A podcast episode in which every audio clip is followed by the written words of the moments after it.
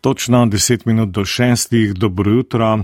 Na današnji državni praznik se je pred 32 leti pisala zgodovina.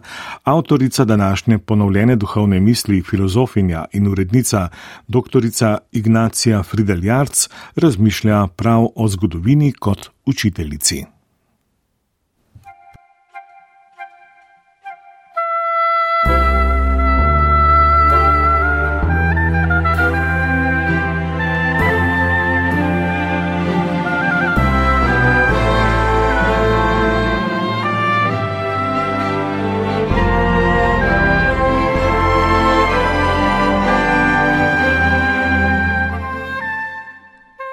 Najznamenitejši rimski govornik Cicero v svojem spisu o govorniku poveličuje zgodovino in ji izreče kar nekaj hvalnic.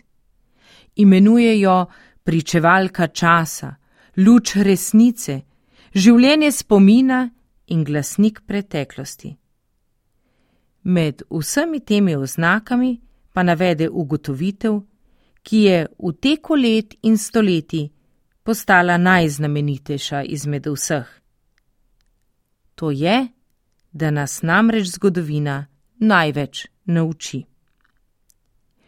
Cicero je menil, da le iz poznavanja preteklosti lahko tehtno in premišljeno sooblikujemo prihodnost.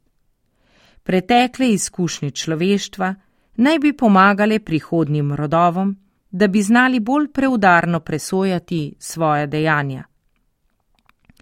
Toda Marta Cicerova misel resnično drži. Ali ni po prvi svetovni vojni prišla še hujša, še bolj brutalna in morilska druga svetovna vojna? Mar smo danes kot ljudje dejansko kaj manj zasužnjeni, kot je bila družba v antiki?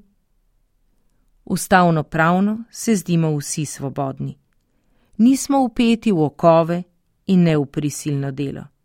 Zdi se, da sami odločamo o sebi. Konec je dobe individualnega zasužnjevanja, značilnega za antiko. Konec nacionalnega zasužnjevanja v času kolonializma.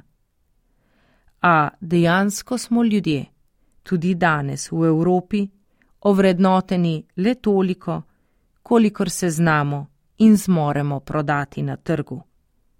Kolikor v mesarskem klanju na trgu uspemo v javnosti ohraniti in prodajati vtis strokovnosti, in kakor dolgo nam nekdo, ki mu prekrižamo njegove osebne interese, javno ne degradira naše osebnosti in avtoritete. Sužni svojih značajev, navad in potreb ki jih je v nas vzdramila potrošniška kapitalistična misel smo. In iz zgodovine se človeštvo, čeprav bi se iz nje moralo učiti, doslej ni naučilo skoraj ničesar.